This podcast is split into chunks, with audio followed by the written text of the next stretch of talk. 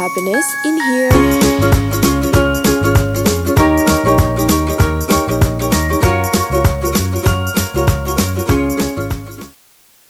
Hakuna Matata. What a wonderful phrase. Hakuna Matata. It ain't no passing craze. It means no worries for the rest of your days. It's our problem free philosophy. Hakuna Matata. Hakuna Matata? Yeah, it's our motto. What's a motto? Nothing. What's the motto with you? Nice! Boom! Those two words will solve all your problems. Yeah. Take Pumbaa here. Why? When he was a young warthog. When I was a young warthog! How you feeling? It's an emotional story. He found his aroma lacked a certain appeal. He could clear the savannah after every meal. I'm a sensitive soul, although I seem thick skinned. And it hurt that my friends never stood downwind. I was always here for you, and I resent that. Oh, the shame! Yes, he was I ashamed. Changing my name, I mean, to what, Brad? and I got downhearted. Every time that I farted, are you gonna stop me? No, I'm not. You disgust me. Hakuna Matata. What a wonderful phrase. Hakuna Matata. Ain't no passing craze.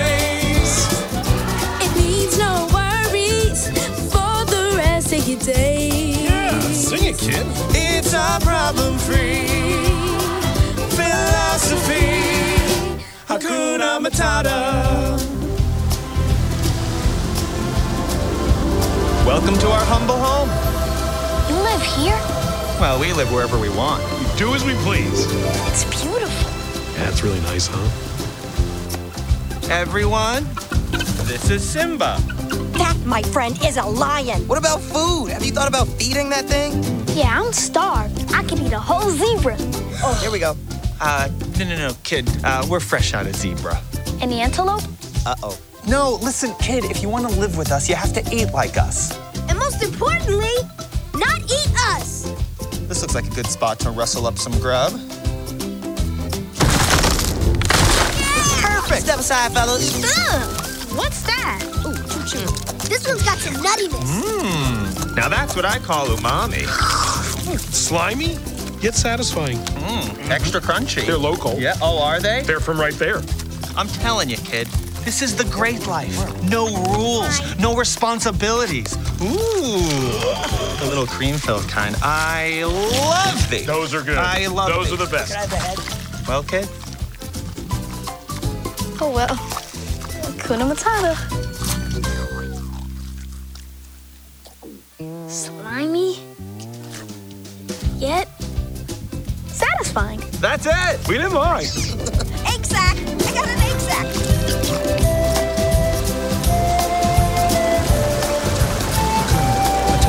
Hakuna, Matata, Hakuna, Matata, Hakuna, Matata, Hakuna, Matata, Hakuna,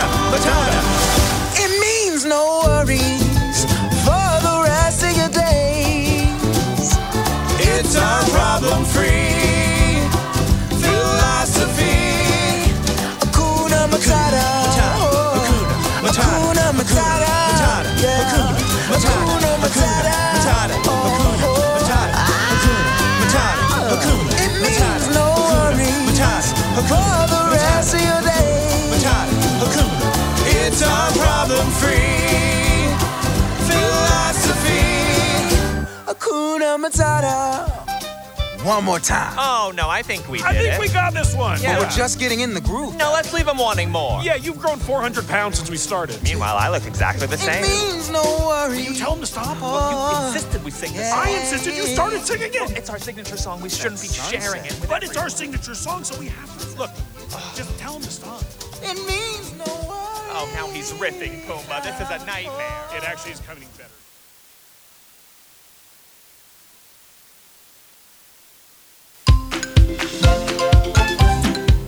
Sarana Teredukatif.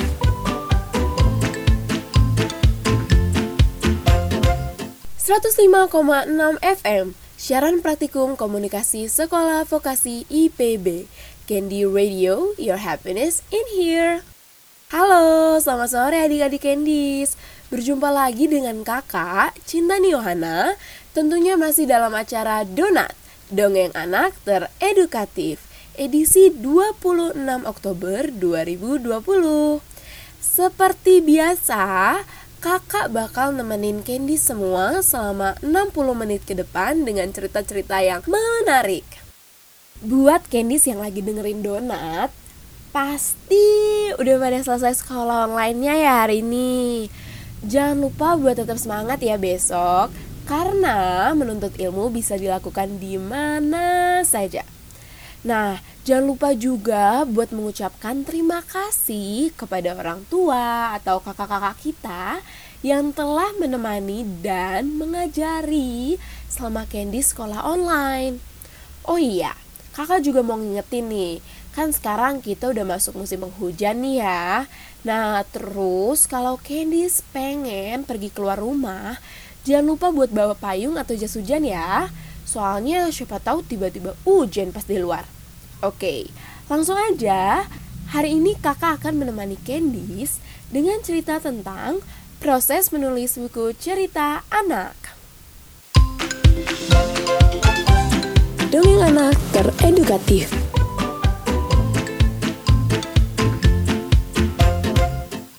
enam FM Siaran Praktikum Komunikasi Sekolah Vokasi IPB Candy Radio, your happiness in here Nah, kali ini kakak nggak bakal sendirian nih. Soalnya kakak bakal ditemenin sama penulis buku cerita anak yang bernama Kak Sonia. Halo kak, apa kabarnya nih? Baik kak, sehat, alhamdulillah nih. Oke, mungkin langsung aja ya kakak bisa kenalin diri terus nyapa Candice yang lagi dengerin dari rumah.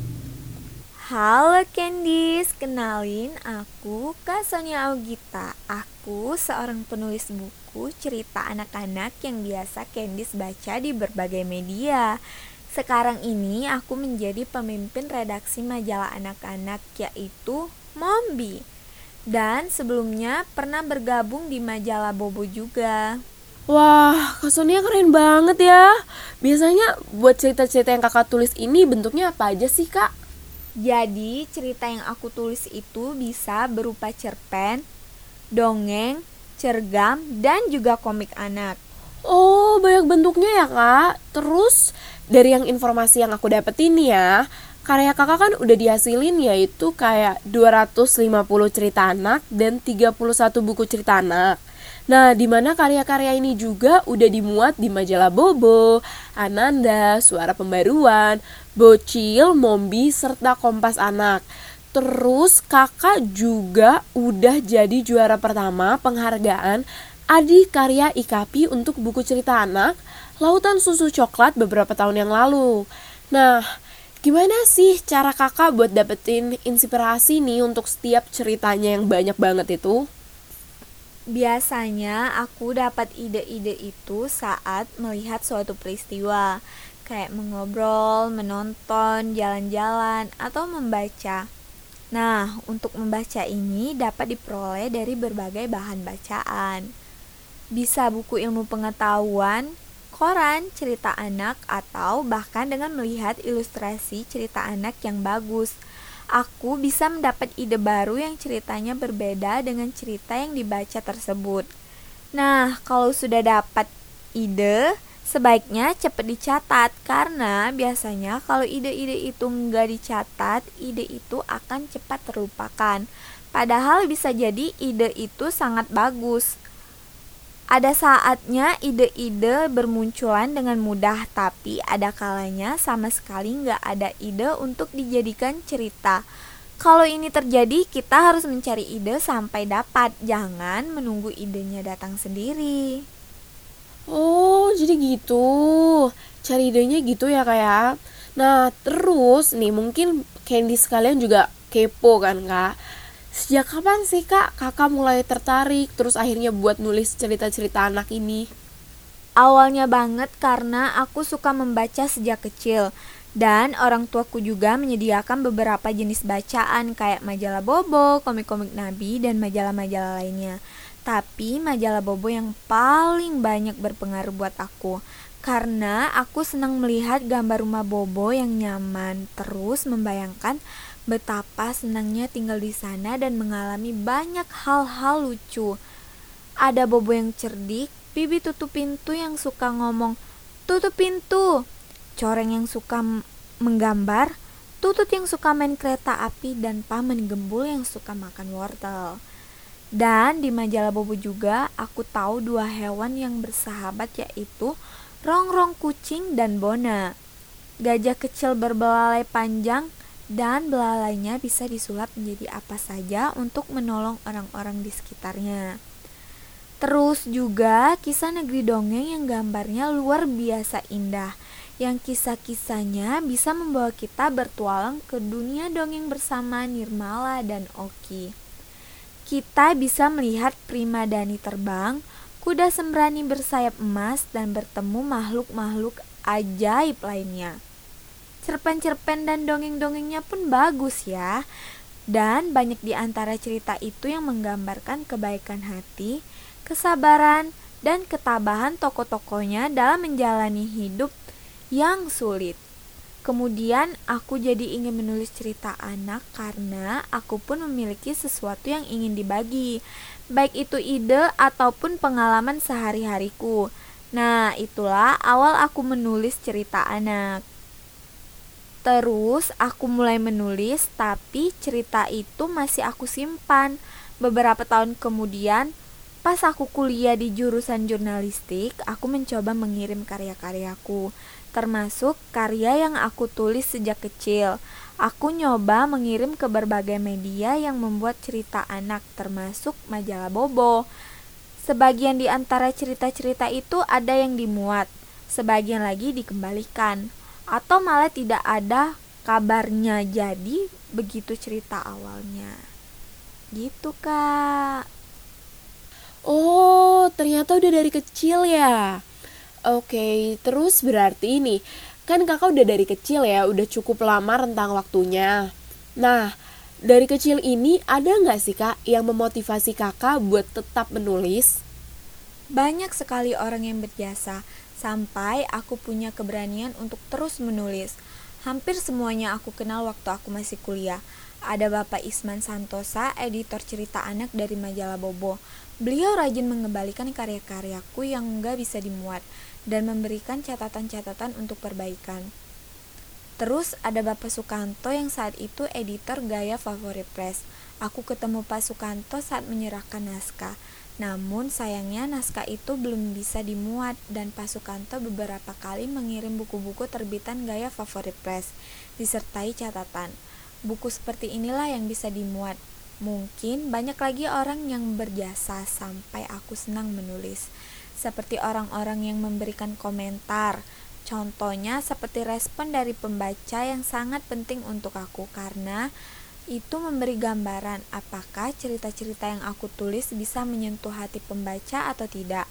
Misalnya ada dua ibu yang bercerita ke aku bahwa anaknya setiap malam ingin dibacakan buku The Dancing Fishes atau ikan-ikan penari. Ada juga seorang ibu yang bercerita setiap malam sebelum tidur anaknya berpura-pura menjadi toko ringrang sambil berguling-guling. Anak itu mengatakan, I don't want to swim, I don't want to swim. Persis seperti berang-berang yang ada di buku ringrang is afraid to swim atau ringrang takut berenang. Ada juga anak yang mengirim email pada saya menanyakan apakah lumba-lumba pelangi itu benar-benar ada. Anak itu senang lumba-lumba dan sudah membaca semua hal tentang lumba-lumba, tapi tidak menemukan bacaan tentang lumba-lumba pelangi seperti yang ada dalam buku lumba-lumba pelangi. Terakhir, ada juga kritik dari seorang bapak katanya cerita-ceritaku kurang action yang seru. Intinya, apa pun bentuk feedback, baik pujian atau kritik, menurutku akan sangat berpengaruh bagi kemajuan seorang penulis. Gitu sih, Kak. Wah, Ternyata kakak sangat menghargai setiap komentar pembaca ya. Nah, salah satu judul buku kakak yang terkenal kan Jojo the Green Pencil Tailed Gecko. atau Jojo, tokek berekor pensil warna. Terus banyak banget sih Candice yang suka cerita ini kan. Nah, banyak juga Candice yang nanya, kakak ini dapat idenya dari mana sih kak? Buku itu kan tentang sekelompok toke yang berekor pensil warna. Nah, mereka adalah toke yang senang berkelompok dan gemar menggambar.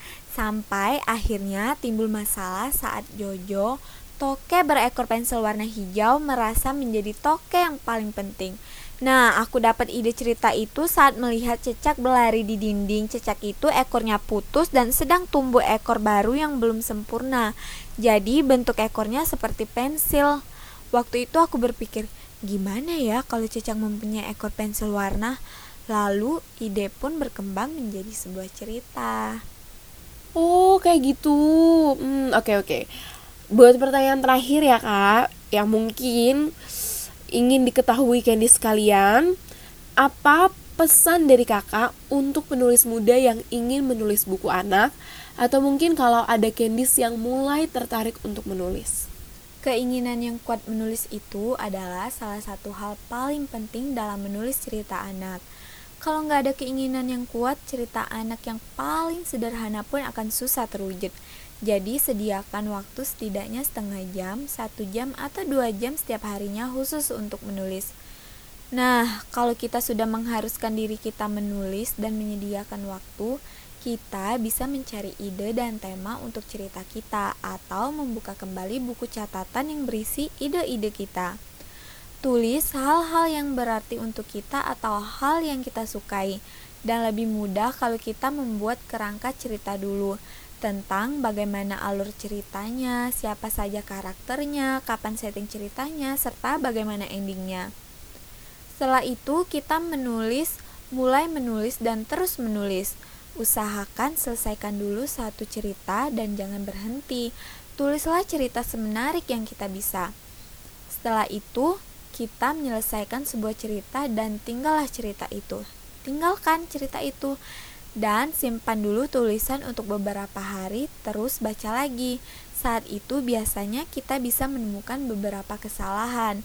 Nah, itulah saat untuk memperbaikinya. Setelah itu, editlah tulisan sampai jadi bagus. Terus, ada beberapa hal yang perlu diingat dalam penulisan cerita anak. Kita harus punya sesuatu yang ingin disampaikan, misalnya pengetahuan, informasi, dan hiburan. Dalam menulis cerita, kita ingin menyisipkan pesan moral. Sangat baik kalau cerita tidak menggurui, jadi biar anak-anak yang menyimpulkannya. Maksudnya, biar anak yang menyimpulkan sendiri cerita yang kita tulis. Nah, kemudian cara menyajikannya tentu yang menarik. Gunakan bahasa yang sederhana, baik dan benar, tapi tetap ceria. Kalau kita sudah selesai menulis cerita, cerita itu bisa disimpan. Tapi sayangkan ada baiknya kalau kita mengirim cerita itu ke majalah kalau itu berupa cerpen atau ke, ke penerbit kalau karya kita berupa buku.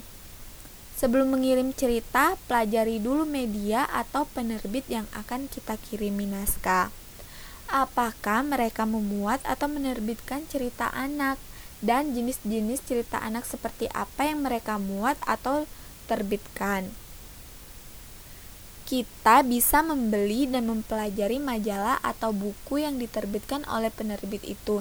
Jadi kita tahu kalau cerita yang tulis sudah sesuai dengan misi majalah atau penerbit tersebut. Kalau sudah, kita bisa mengirimnya. Pas aku mengirim cerita ke majalah dulu, aku menyertakan surat pengantar pada editor berisi permintaan untuk dikembalikan dan dikoreksi apabila ceritaku tidak bisa dimuat. Nah, jadi sebenarnya mengirim cerita anak pada penerbit nggak jauh beda kayak mengirim cerita biasa. Di surat pengantar kita bisa ceritakan ringkasan ceritanya ditujukan untuk usia berapa buku tersebut dan usulan kita tentang bentuknya bukunya. Ada banyak majalah yang bisa kita kirimi cerita anak, belum lagi para penerbit yang sangat banyak jumlahnya. Namun kita harus sabar menunggu pemuatan karena biasanya itu banyak sekali stok cerita yang siap muat. Mudah-mudahan media anak yang cukup banyak itu bisa menjadi tempat melatih keterampilan kita dalam menulis cerita anak. Semangat untuk Candice yang ingin mulai menulis cerita ya. Wah, terima kasih banyak ya Kak karena udah meluangkan waktunya dan berbagi ilmu dengan Candice. Semoga Candice yang bercita-cita menjadi penulis dapat banyak hal yang bisa dijadikan motivasi untuk meraih cita-citanya. Baiklah, untuk menutup sesi ini, kakak akan menghibur Candice dengan memutar sebuah lagu dari Zayn yang berjudul A Whole New World.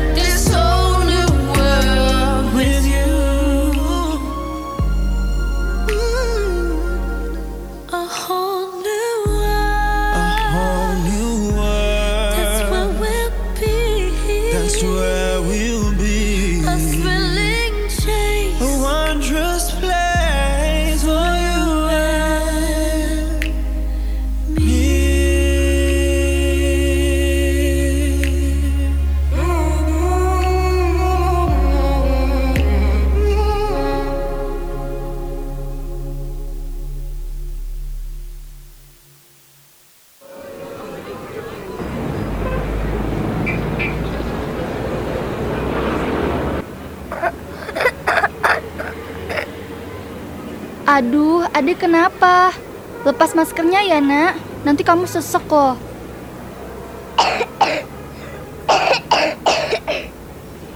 Tuh kan, batuk terus. Mama lepas ya maskernya. Sudah ratusan ribu masyarakat Indonesia terkena wabah virus corona.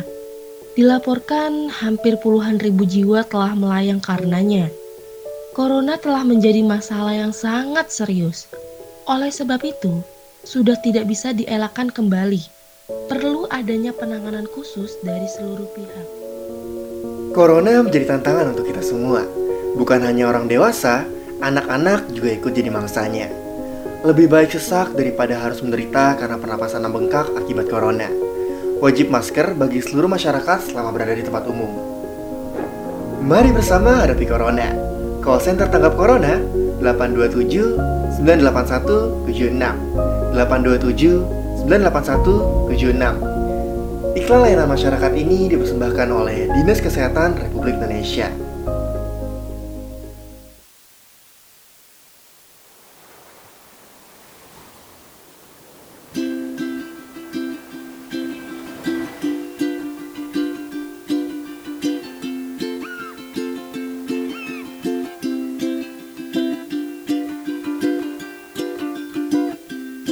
Long, time ago, there was a volcano living all alone in the middle of the sea. He sat high above his bed, watching all the couples play, and wishing that he had someone too. And from his lover came this song of hope that he sang out loud every day for years and years. I have a dream I hope will come true. That you're here with me, and I'm here with you. I wish that the earth see the sky up above will send me someone to love.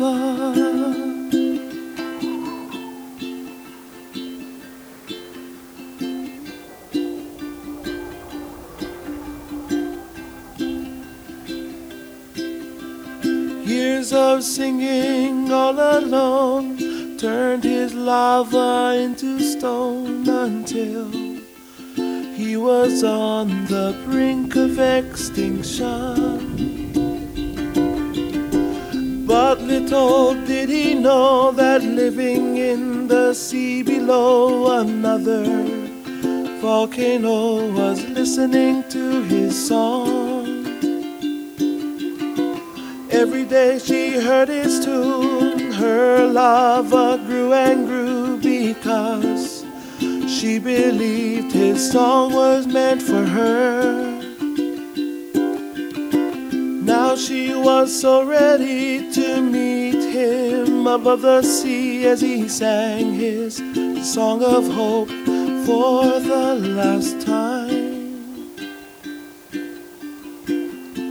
I have a dream I hope will come true that you're here with me and I'm here with you. I wish that the earth see the sky up above will send me someone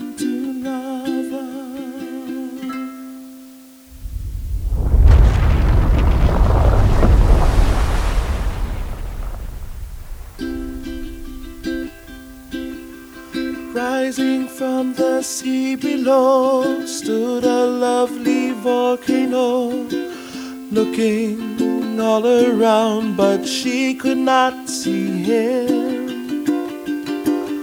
He tried to sing to let her know that she was not there alone, but with no lava, his song was all gone.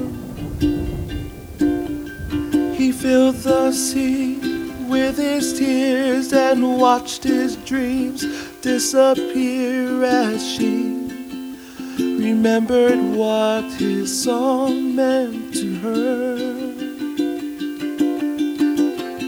I have a dream I hope will come true that you're here with me and I'm here with you. I wish that the earth, sea, and the sky up above will send me someone to love.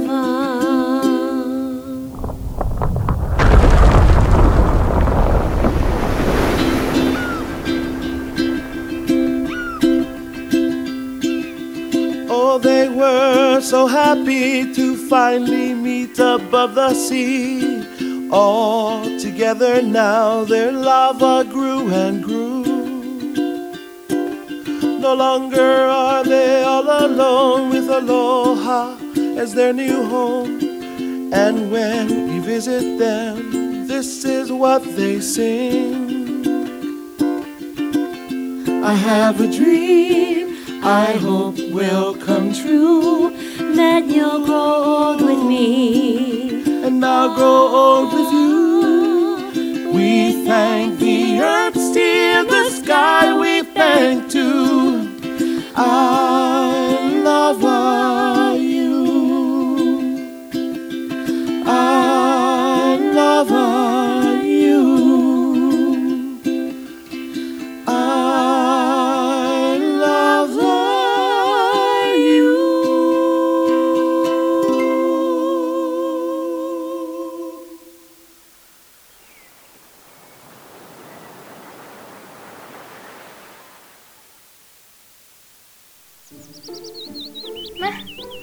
berangkat sekolah dulu ya. Eh sayang, tunggu, sarapan dulu. Sini, mama suapin. Hmm, gak mau mama, aku udah telat nih. Ya udah, kamu hati-hati di jalan ya sayang.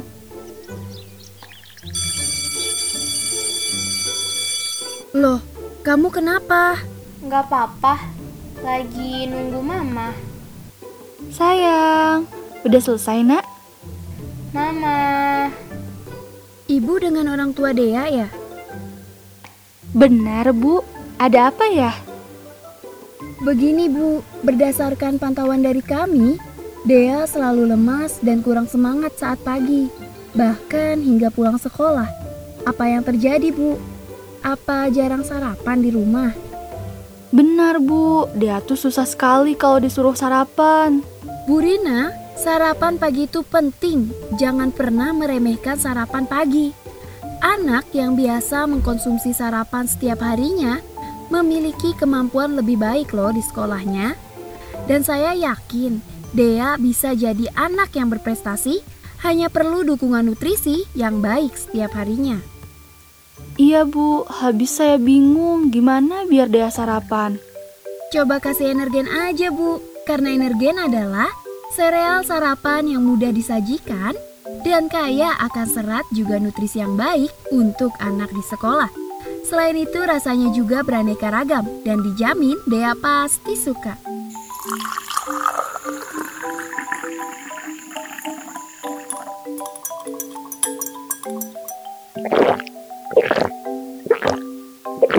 wah enak mah.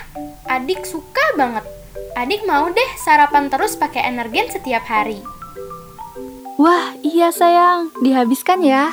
Energen, sarapan mudah, penuh nutrisi.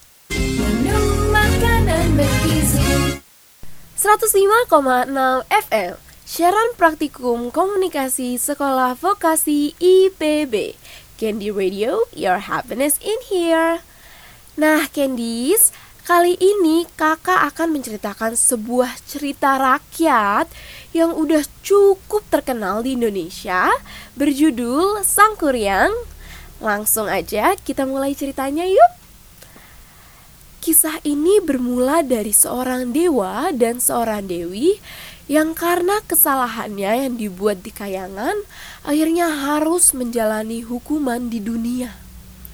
Keduanya dihukum untuk berbuat kebaikan dalam hidupnya di bumi dalam bentuk seekor babi hutan dan seekor anjing. Babi hutan jelmaan dewi itu bernama Wayung Hyang. Sedangkan anjing jelmaan dewa itu bernama Tumang. Wayung Hyang karena dihukum sebagai babi hutan atau celeng, maka ia berusaha melakukan berbagai kebaikan di dalam sebuah hutan. Sementara Tumang, sang anjing jelmaan dewa itu mengabdi sebagai anjing pemburu pada seorang raja yang bernama Sumbing Perbangkara. Pada suatu hari, Raja Sumbing Perbangkara berburu ke hutan di tepi kerajaan. Di suatu tempat yang dekat dengan tempat tinggal babi hutan Wayung Hyang, Sumbing Perbangkara ingin sekali kencing. Ia kemudian kencing dan tanpa sengaja tertampung dalam sebuah batok kelapa. Selang beberapa saat, babi hutan Wayung Hyang yang sedang kehausan kemudian meminum air kencing Sumbing Perbangkara. Siapa sangka Wayung Hyang akhirnya hamil. Sumbing Perbangkara yang pada dasarnya memang suka berburu, kembali ke hutan tepat setelah terbilang beberapa bulan. Saat Wayung Hyang melahirkan seorang bayi perempuan yang sangat cantik. Sumbing Perbangkara yang berburu kijang mendengar suara tangisan bayi. Ditemani anjing pemburunya Tumang, ia akhirnya menemukan bayi perempuan yang tak lain adalah anaknya sendiri. Terpikat oleh keelokan paras bayi itu, Sumbing Perbangkara membawanya pulang dan mengangkatnya menjadi anaknya. Bayi perempuan itu kemudian diberi nama Dayang Sumbi. Dayang Sumbi kemudian semakin dewasa dan tumbuh menjadi seorang putri yang berparas cantik. Kecantikannya tersiar ke segenap penjuru kerajaan hingga didengar raja-raja dan para pangeran. Dayang Sumbi diperebutkan. Perang besar terjadi di mana-mana. Merasa tidak nyaman dengan perang yang terjadi di mana-mana karena memperebutkan dirinya, Dayang Sumbi akhirnya meminta kepada ayahnya, Raja Sumbing Perbangkara, untuk menyendiri dan pergi dari kerajaan. Sumbing Perbangkara akhirnya mengizinkannya dan memberikan Tumang, si anjing pemburu, untuk menemaninya. Dayang Sumbi tinggal di sebuah pondok di tepi hutan. Dengan kehidupannya yang sederhana dan tak seorang pun yang tahu bahwa ia adalah Dayang Sumbi yang diperebutkan banyak raja dan pangeran. Di pondok itu ia mengisi kegiatannya dengan menenun. Suatu hari, saat menenun kain, Dayang Sumbi duduk di atas sebuah balai-balai. Karena mengantuk, alat tenunnya yang disebut torak jatuh ke lantai. Dayang Sumbi merasa malas sekali memungut torak itu. Sehingga ia bersumpah untuk menikahi siapa pun yang mengambilkan torak yang terjatuh itu dan menyerahkannya kepada Dayang Sumbi. Demi memenuhi sumpah yang terlanjur diucapkannya, Dayang Sumbi akhirnya menikah dengan Tumang. Raja Sumbing Perbangkara yang mengetahui hal itu akhirnya merasa sangat malu. Putrinya yang cantik menikah dengan seekor anjing dan kini tengah mengandung. Dayang Sumbi akhirnya diasingkan ke hutan bersama-sama dengan Tumang. Tidak ada seorang pun yang tahu bahwa Tumang adalah jelmaan seorang dewa, kecuali Dayang Sumbi. Setiap malam purnama, Tumang dapat menjelma menjadi seorang lelaki yang sangat tampan. Dayang Sumbi yang hamil akhirnya melahirkan seorang putra yang tampan. Kulitnya putih dengan rambut lebat legam seperti arang. Dayang Sumbi memberi namanya Sang Kuryang. Bayi itu kemudian tumbuh menjadi anak yang sangat tangkas. Sang Kuryang telah mulai mahir memanah pada suatu hari diminta ibunya untuk berburu. Dayang Sumbi ingin sekali memakan hati rusa. Ditemani Tumang, Sang Kuryang berburu di hutan. Di suatu tempat, Sang Kuryang melihat babi hutan Wayung Hyang melintas. Ia segera membidikan panahnya. Akan tetapi, Wayung Hyang berlari dan bersembunyi dengan gesit. Sang Kuryang memerintahkan anjing pemburunya Tumang untuk mengejar babi hutan itu. Tumang yang mengetahui jika babi hutan itu bukan sembarang babi hutan, melainkan jelmaan dewi yang bernama Wayung Hyang menolak perintah Sang Kuryang. Tumang, si anjing jelmaan dewa itu hanya duduk diam memandang Sang Kuryang. Sang Kuryang sangat marah kepada Tumang. Ia menakut-nakuti Tumang dengan mengarahkan anak panah pada Tumang. Tetapi tanpa sengaja, ia malah melepaskan anak panah itu pada busurnya dan anak panah melesat dan menghujam ke tubuh Tumang. Anjing jelmaan dewa itu tewas. Sang Kuryang yang ketakutan bercampur putus asa akhirnya mengambil hati Tumang. Hati itu kemudian dibawanya pulang dan diserahkannya kepada Dayang Sumbi dengan mengatakan bahwa itu adalah hasil rusa perburuannya. Dayang Sumbi dengan gembira memasak hati itu. Mereka makan dengan lahap. Setelah selesai makan, Dayang Sumbi teringat akan Tumang. Ia bertanya kepada Sang Kuryang di mana anjing Tumang.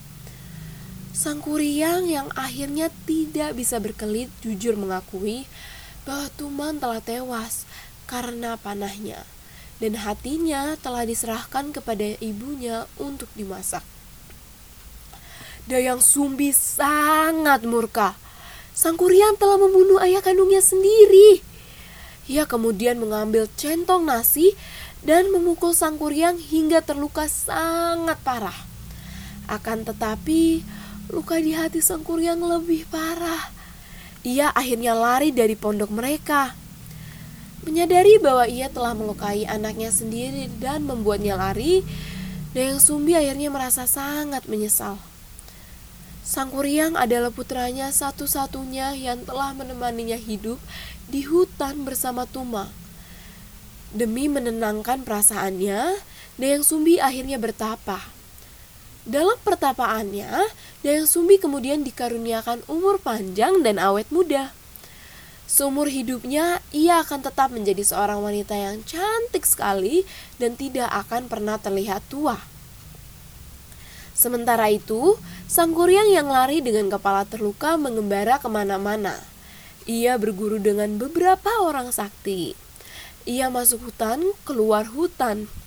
Saat sang kuryang telah menjadi pemuda sakti dan perkasa, ia mengalahkan semua makhluk-makhluk halus atau guriang yang ditemuinya dalam pengembaraan.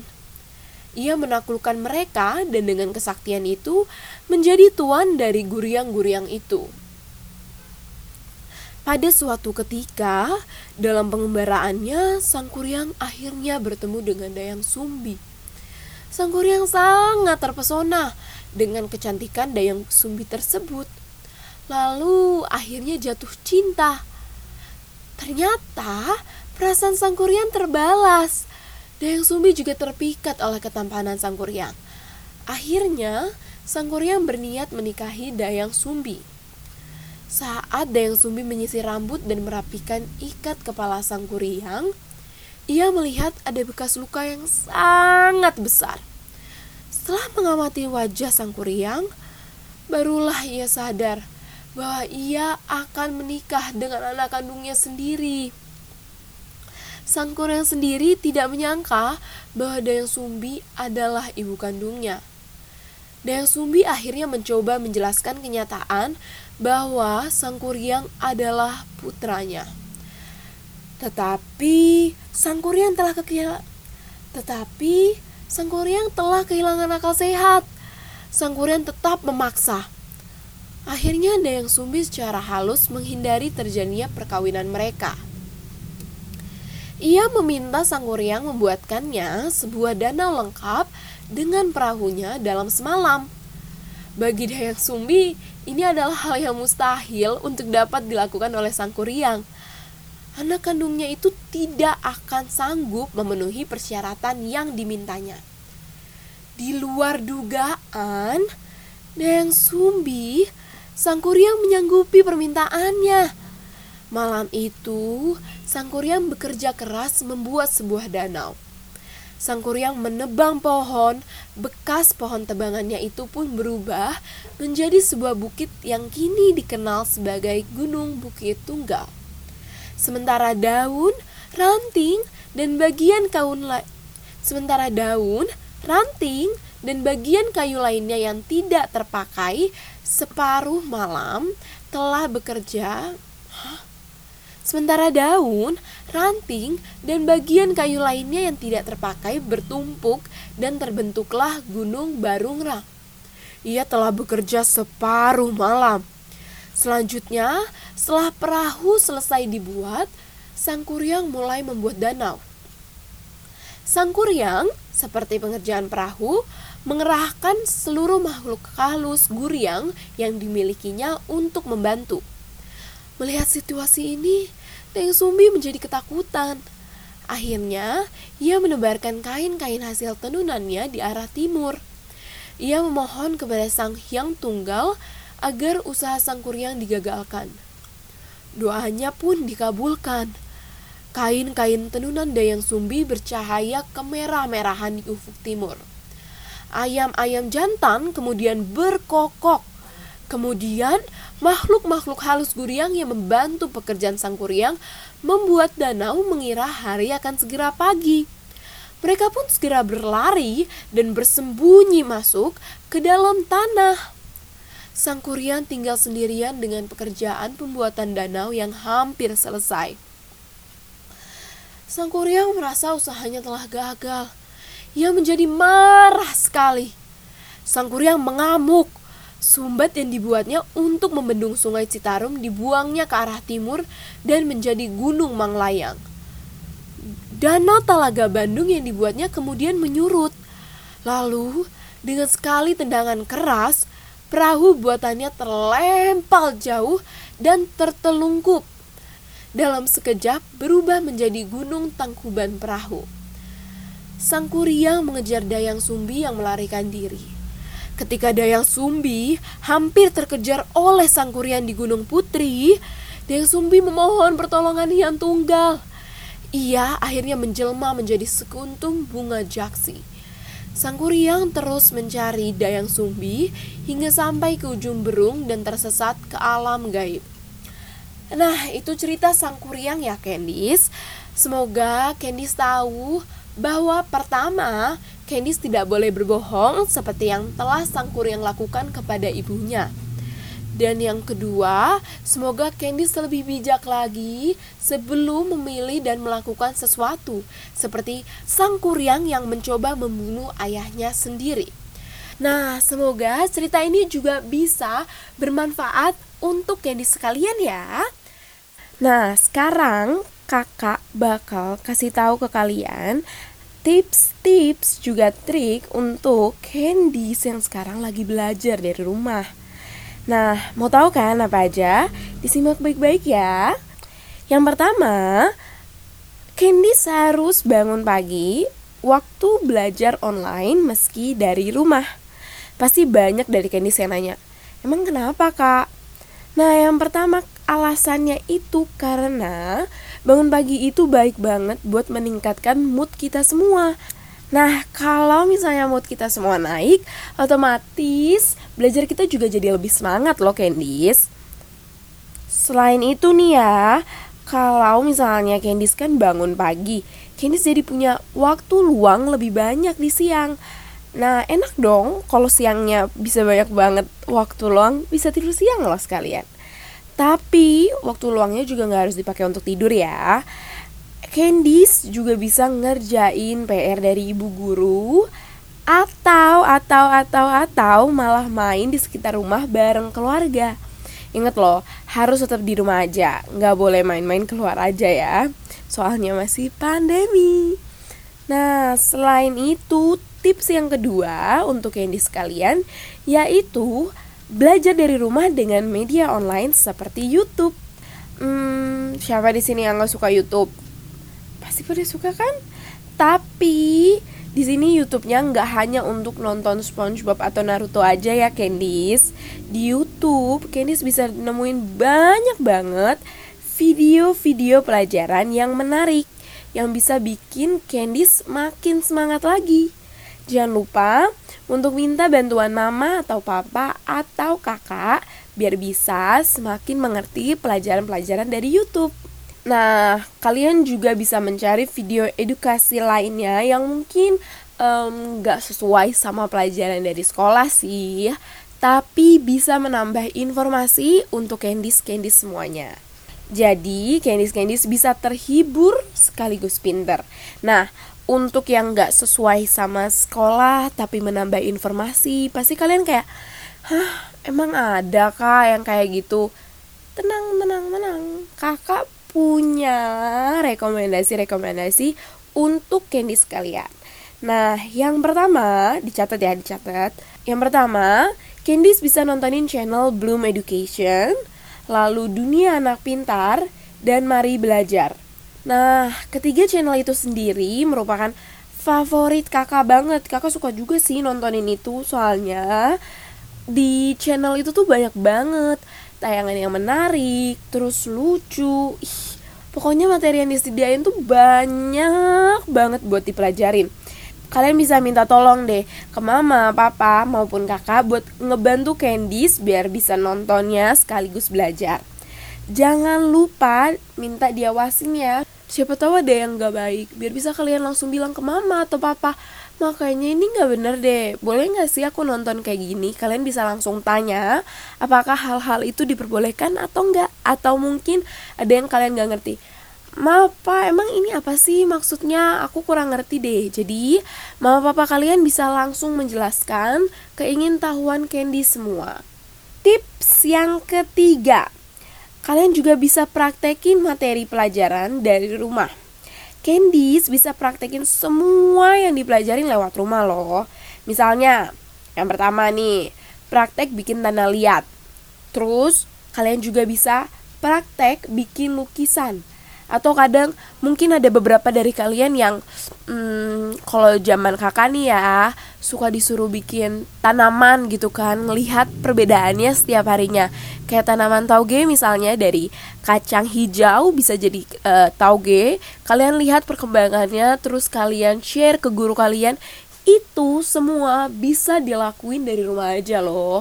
Kakak sih prefernya ya suka praktek dari rumah banget sih Terus tetap juga kalau praktek dari rumah, kalian malah bisa minta bantuan ke orang tua Candice atau kakak Candice.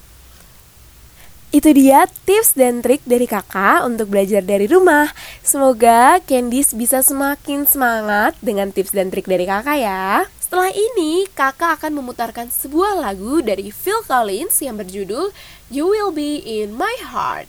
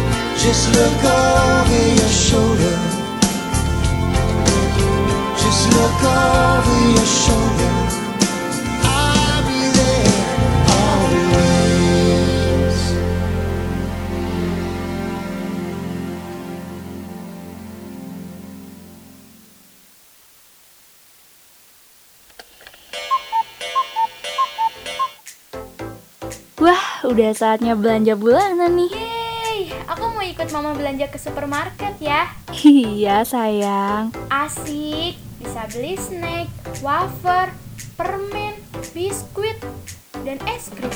Wah, banyak banget deh. Pokoknya aku mau beli semuanya. Hmm, tapi lagi PSBB dan pandemi gini, kira-kira aman gak ya kalau kita belanja keluar? Loh, jangan dong. Lebih baik kita di rumah aja. Di luar kan lagi gawat banget karena corona. Papa, aku kan mau ke supermarket, mau beli jajan. Tapi, Pak, kita harus gimana dong kalau gak boleh keluar? Ibu dan adik tenang aja. Urusan belanja dan beli jajanan sekarang udah nggak perlu ke toko swalayan atau supermarket lagi. Sekarang udah hadir Grab Market yang siap beliin sekaligus anterin belanjaan kita ke rumah. Jadi kita bisa belanja sambil nyari di rumah deh. Biayanya gimana, Pak? Lebih mahal gak dari belanja biasa? Enggak, Bu. Harganya sama kok. Paling ada tambahan ongkir aja. Tapi tenang, mulai hari ini sampai tanggal 30 nanti ada promo besar-besaran loh. Terkhusus buat kebutuhan rumah tangga dan makanan ringan yang pasti adik suka. Kalau gitu, ayo kita belanja sekarang, Pak. Iya nih, mumpung masih ada promo, kan jadi bisa hemat uang bulanan mama. Hihi. Oke oke, kita download dan gunain aplikasi Grab sekarang ya. Tersedia gratis di Play Store dan App Store. GrabMart, solusi belanja hemat. Belanja, Belanja, grabin aja. aja.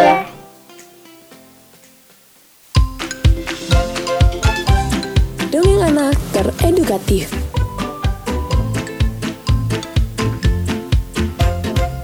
...105,6 FM Siaran Praktikum Komunikasi Sekolah Vokasi IPB Candy Radio, your happiness in here Hmm, nggak kerasa ya Candies Udah hampir 60 menit kakak menemani kalian semua dalam acara Donat Dongeng Anak Teredukatif Semoga ilmu yang udah disampaikan sama Kak Sonia juga dongeng tentang sang goryang yang udah kakak bacakan bisa bermanfaat dan menghibur hari-hari Candice tetap di rumah aja. Dan semoga Candice juga terus semangat untuk sekolah online-nya ya. Kakak harus pamit undur diri. Tapi don't worry be happy karena Donat akan selalu ada setiap hari Senin jam 5 sore di Candy Radio 105,6 FM. Bye, see you next week Candies. Dongeng anak teredukatif.